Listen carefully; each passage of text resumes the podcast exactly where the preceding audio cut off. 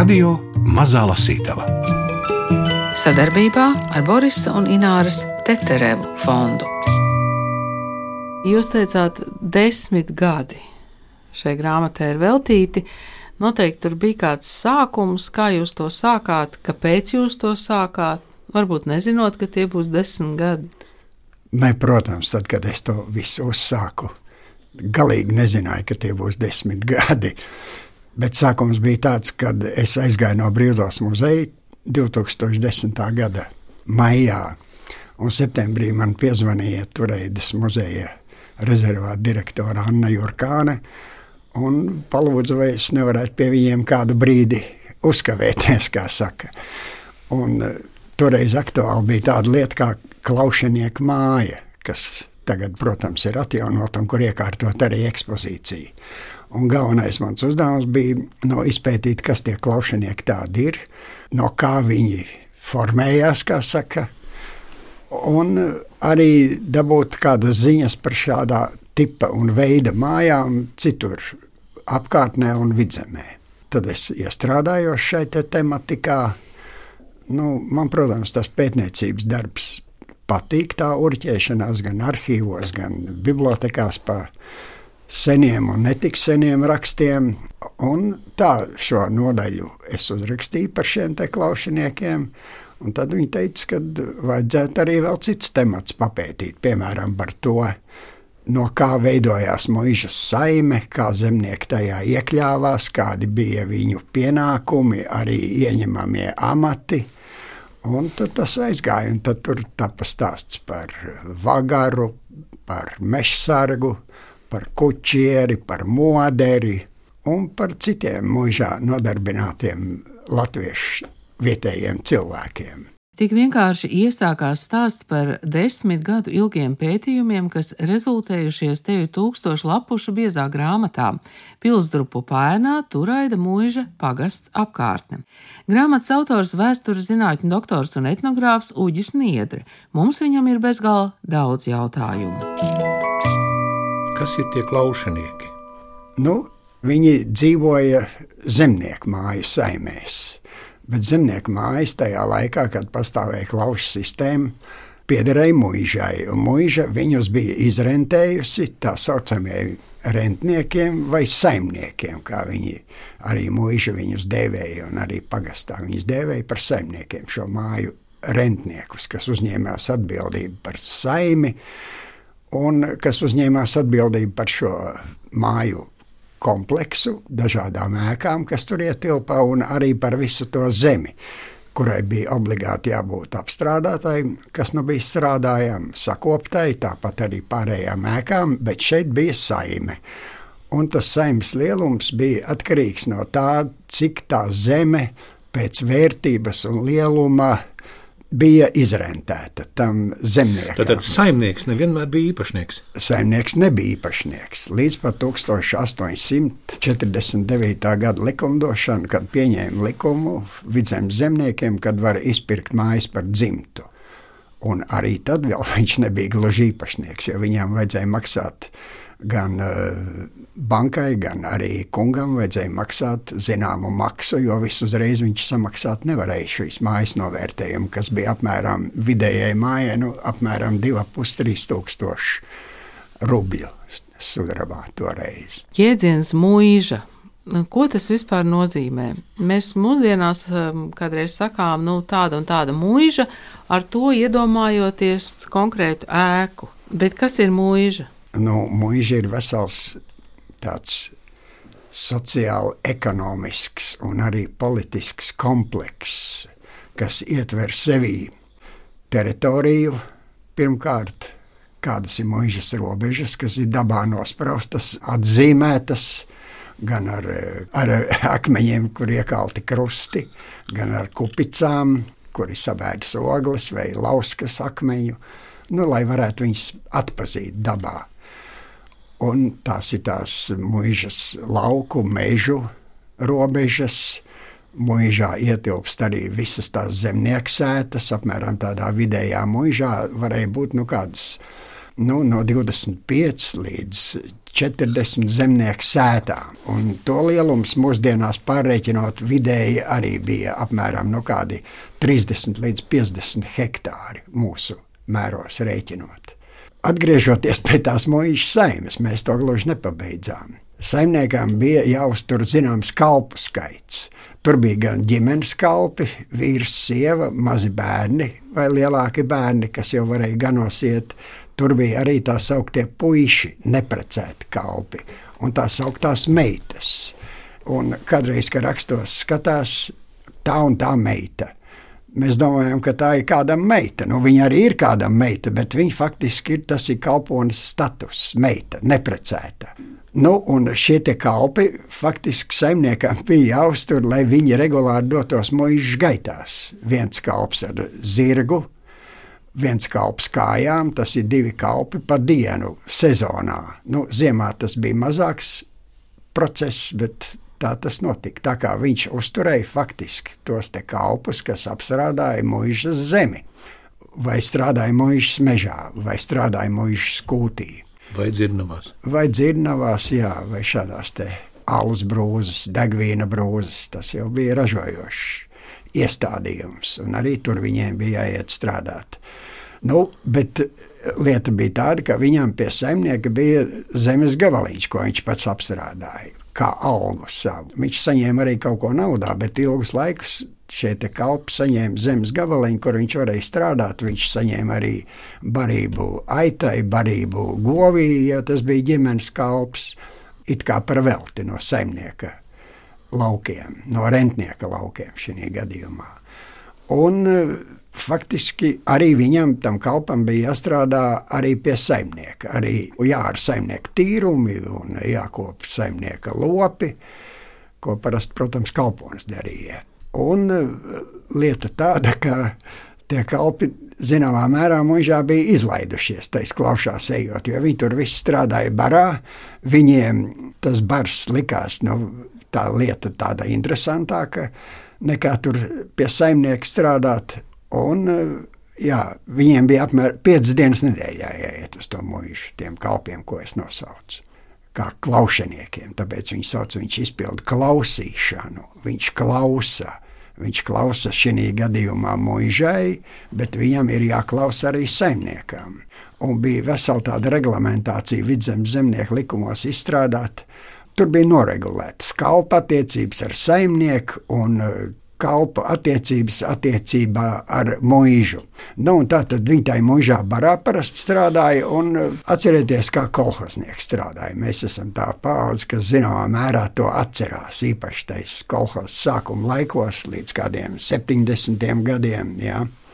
Kā saka, daudzi tur mēģināja laist muļķi, bet priekš tam bija vagars un citi uzraugi par viņu. Nu, brigadieris, citiem. Brigadieris, jā šī gadījumā var tā teikt, pilnīgi brigadieris.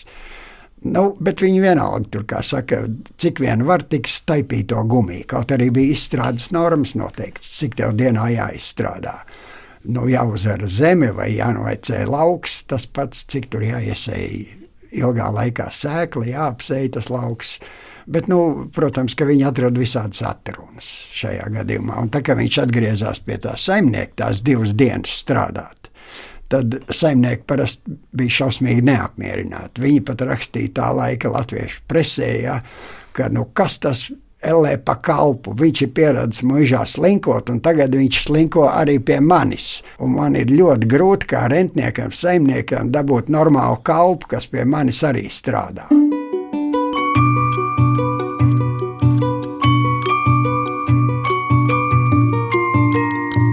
Radio Mazā Lasītava Gunārs Aboliņš jautā vēsturniekam un etnogrāfam Uģim Niedrem un lasa no grāmatas Pilsdrupu pāēnā Turaida mūža pagasts apkārtne. Te ir gandrīz tūkstošu lapušu biezsējums, smaga tā grāmata.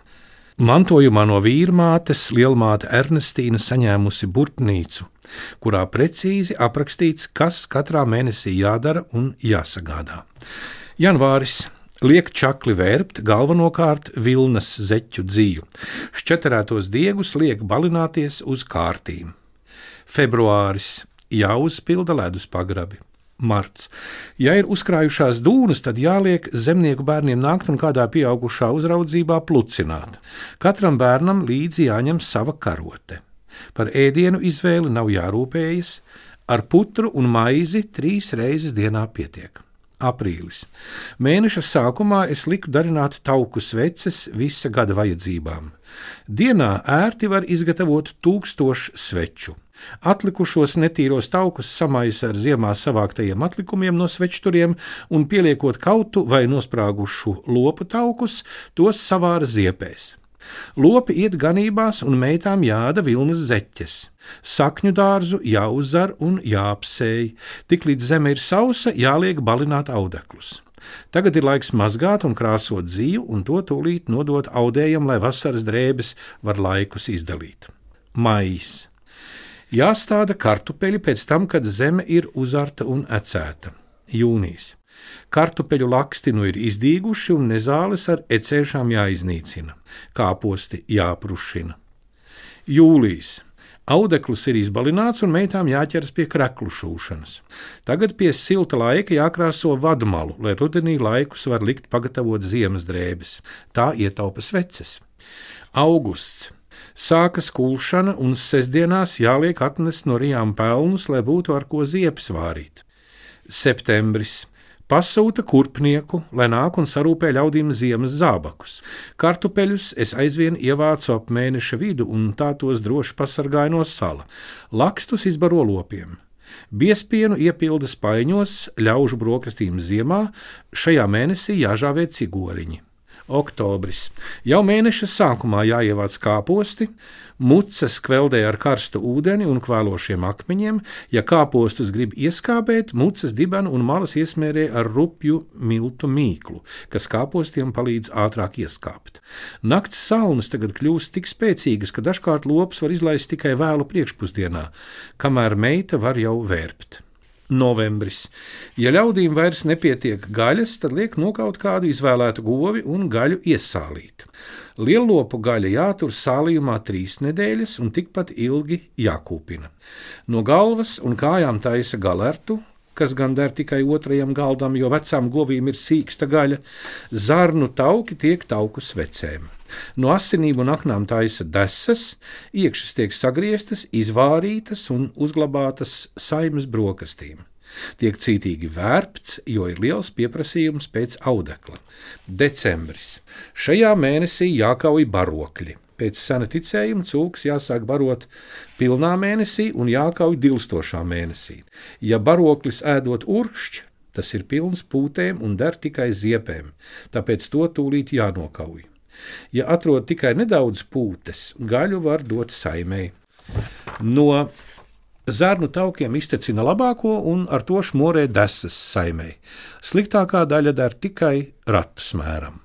Nu, tie bija tādi raksti, kas jau nu, 18. gadsimta beigās ir publicēti vācu valodā, lai tur skaidri zinātu, katrs mūžā savus pienākumus. Piemēram, pārvaldnieks. Šī gadījumā, ko jūs lasījāt, šis te teksts attiecās vairāk uz mūža kalponēm. Un, lai cienmāte uzraudzītu šīs kalpones, viņai, protams, arī jāzina viss tā darba. Gan uh, secība, gan specifika. Bet šī dokuments ir citēts no Fegezaka grāmatas. Mums vēl daudz kas ir jāskaidro, bet te ir interesanti par uzvārdiem. Uzvārdi. Turaidas pilsmuīžas pagasta zemniekiem doti. 1826. gads salīdzinājumam saimnieku rentnieku dzimtas turaidas sētās 1826., 1858. un 1939. gadā. Ievērojams notikums 19. gadsimta pirmās puses vidzemes latviešu dzīvē bija uzvārdu došana. Pasākuma pamats - dzimbūšanas atcelšana vidzemē un zemnieku brīvlaišanas likuma pieņemšana 1819. gadā. Līdz tam zemniekam bija tikai vārds un tēva vārds.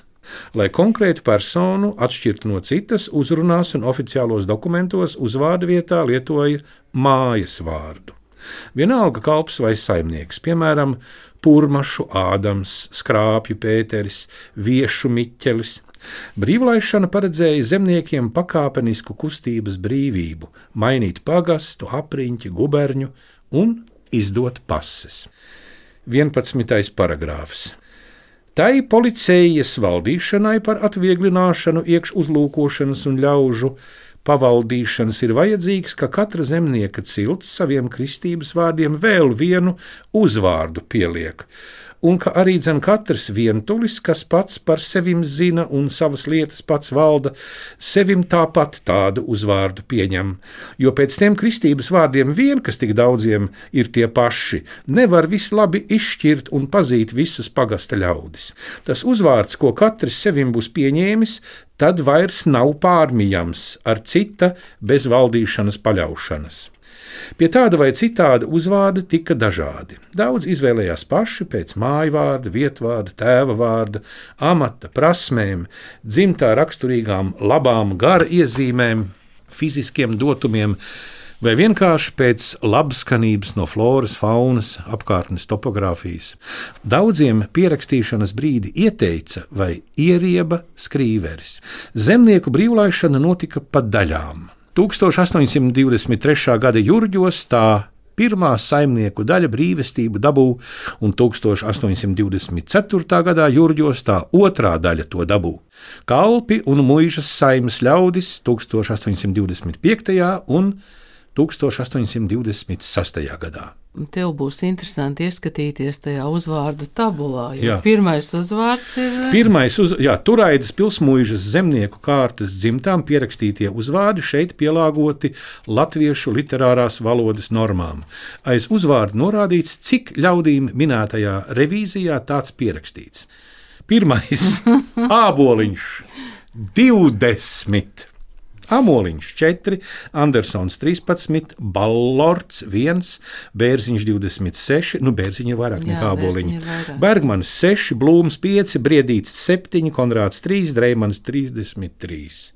Un tā tālāk, un tā joprojām. Kampenhausens, tātad Kampenhausens bija mužnieks. Kampenhausens, jā, viņš bija barons von Kampenhausens. Tur, piemēram, ir viena nodaļa par īpašiem amatniekiem. Nu, kā jūs izlēmāt, kā tās nodaļas vispār būvēt? Nu, tas faktiski radās darba gaitā. Darba gaitā pētot dažādas arhīvu materiālus, radās arvien jaunas tēmas klāt. Piemēram, un arī presi tā laika pētot. Piemēram, te ir temats par Aleksandru otrā vizīti toreizējā kurzemes, gan arī vidzemes guberņā, tā skaitā turēdzes Siguldas Krimuldas apmeklējums.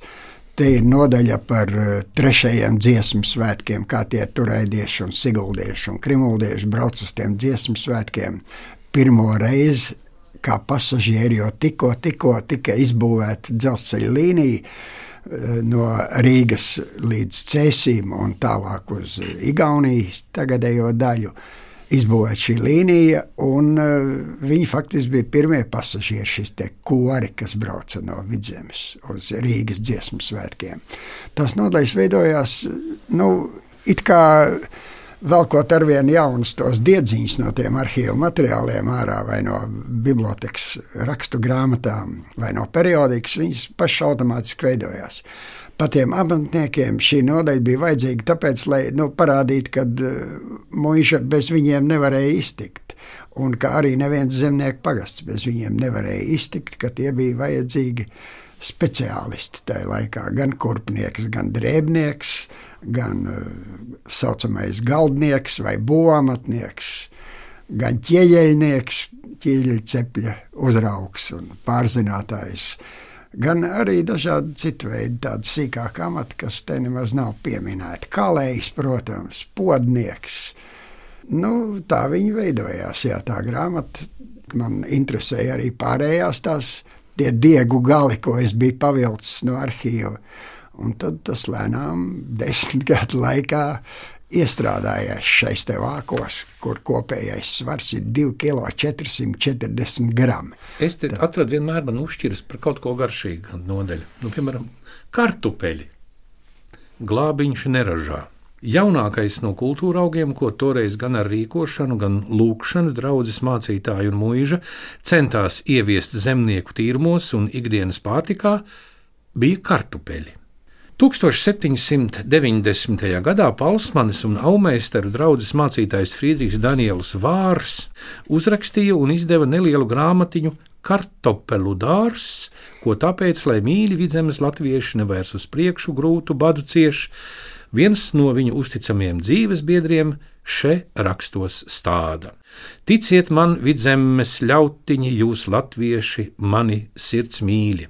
Gaužas sirdsāpes kramtušas manu sirdi jūsu badu, jūsu trūkumus izgājušos gadus redzot. Kas jums tad vēl no labības atlika? Pie tās bērāt jūs papardus, ušnes, iz meža dažkārtīgas zāles, lapas pelabas un visādas jums kaitīgas lietas. Kādu spēku dabūja no šās barības, izmērdēti, nobālējuši un pietūkuši vilkāties visos darbos. Es kāroju jums palīdzēt. Es esmu bezviltīgs latviešu draugs. Līdz ar jums dzīvoju mūsu tēva zemē. Lūdzu, jūs stādait kartopeles! Tad aiztrengsiet jūs savas rūktas maizes bēdas un smagu bada ciešanu no sev un tiem savējiem. Pie šiem augļiem ne zemes, ne darba daudz vajag, jo tie vairojas pa pulkiem un izdod gandrīz tādu pašu miltainu uzturu kā labība cita. Kur jūs vienu sieku rudzu sējat, tur varat sešpūrus kartupeles izstādīt. Labs saimnieks varēs pie tādas izstādīšanas, ja ne vairāk, tak 50, iekš auglīgiem laikiem vēl vairāk nekā 100 pūres cerēt. Labāk der kartupelēm mela smilts zeme nepārlieku slapja, bet līdzena. Kartupeles var ik gados uz tās pašas vietas stādīt, jo tik tā zeme ik otrā, jeb trešā rudenī apsūdota tiek. Iekš tās vienas vagas aiz arkli tūlīt kartupeles jāmet viena pēda tāļumā, sprīdi dziļumā. Jūs varat tās lielās kartupeles, kad tās stādāt uz divi, trim, jeb četrām daļām pušu griezt, tad tiek jums vairāk sēklas. Divējādas ir tās kartupeles - sarkanas un baltas. Baltas ir miltīgākas, arī dzan gausīgākas. Uzrakt var kartupeles ap miķeļdienu ziemu iekš pagrabiem un bedrēm, kas salnas viņas neaizņem, iekš veciem koku traukiem, jeb sasistiem galdiem bez smiltīm glabā. Kā ir ar uh, latviešu valodu? Jūs noteikti skatījāties dažādu gadu dokumentus, un, un tā latviešu valoda mm, kļūst uh, nu, dzīvāka vai tuvāka tam, kā mēs mūsdienās rakstīt. Diezgan daudz es lasīju šos te vidzemes zemnieku likumus, sākot no 1804. gada un beidzot ar 1866. un vēl nedaudz tālākiem gadiem. Interesanti tas, ka tā valoda man vismaz liekas daudz interesantāka taisnē pirmajos zemnieku likuma krājumos. 804. vēl gluži varbūt ne, bet 1819. gada un 1849. gada to var lasīt šos likumu krājumus. Nu, kā daļliteratūru. Tur, protams, viss ir pilns ar ģermānismiem. Es domāju, ka tajā laikā tomēr dzīva valoda. Un tajā laikā man ir priekšstats, ka cilvēki tā arī runāja, lietojot šos ģermānismus daudz savā izteiksmē. Un kas tad vēlāk notiek ar vēlāk to likumu valodu? Tas, likuma valoda standartizējās. Viņa kļūst sausa. Viņa, protams, ir daudz precīzāka bet viņa kļūst sausa un tāda garlaicīga, varētu teikt, man kā lasītājam, kas to likumu nepiemēro. Un tā ir arī pilnīga etnogrāfija. Jeb tautas dzīvesveids tur atklājās taisa likuma punktos, jo viņi jau regulēja tās lietas, kas bija skaidri redzamas, kas tiek pārkāptas dien, dienā. Nu, piemēram, nu, piemēram likums par to, par kaušanos, par pārmēra dzeršanu, par eh, to, ka es iegāju kaimiņa daļā un kaut vai pāris pēdas viņa pļāvas nopļāvu. Tas viss tika acu mirklī. Kaimiņš nosūdzēja to pāri darītāju. Acu mirklī iesniedz pagasts tiesā, pieprasīja, un viņam rakstiski tas nemaz nevajadzēja. To skrīvers izdarīja rakstiski.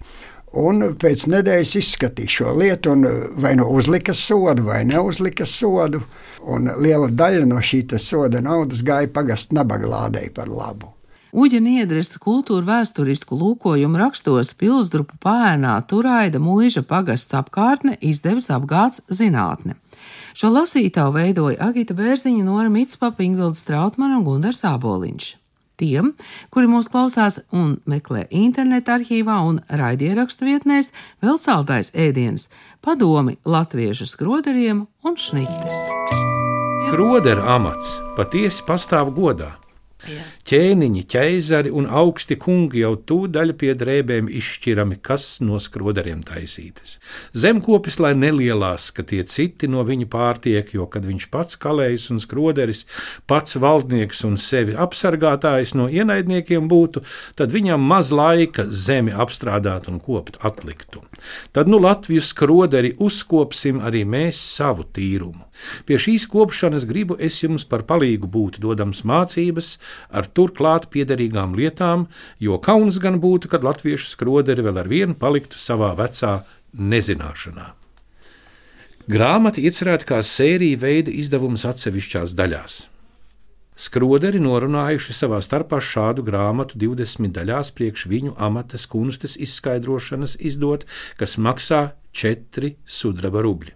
Šī grāmata visvēlāk beigsies iznākt līdz vasaras svētkiem 1870. gadā, pa vairākām daļām reizē, un katrā daļā būs savādas mācības. Pirmā - kā jāmēro un jāgriež priekš taisni auguša kā priekš tāda, kas uz priekšu liecies, priekš tāda, kas atpakaļ liecies. Ceturtais, kas mugurā uz priekšu liecies un jostas vietā atpakaļ. Piektais, kam kuprains augums, sastais, kas šķībi audzis, septītais, kam augstas krūtis, astotais, kas resns ap vēderu, devītais, kas tievs ap vēderu, desmitais, kam īss rumpis, vienpadsmitais, kam garš rumpis, kam stāvi pleci, kam slīpi pleci, kas vairāk plakans, kas vairāk apaļš, kam šauras krūtis un mugura plata, kam platas krūtis un šaura mugura, kas resns gūžu kaulos, kas tievs ap gūžām, kam kūkums muguras vidū. Te jau pasties arī ir šnite. Nu jā, nu jā, ir arī šnite. No pilnīgi rokas grāmatas priekš skroderiem.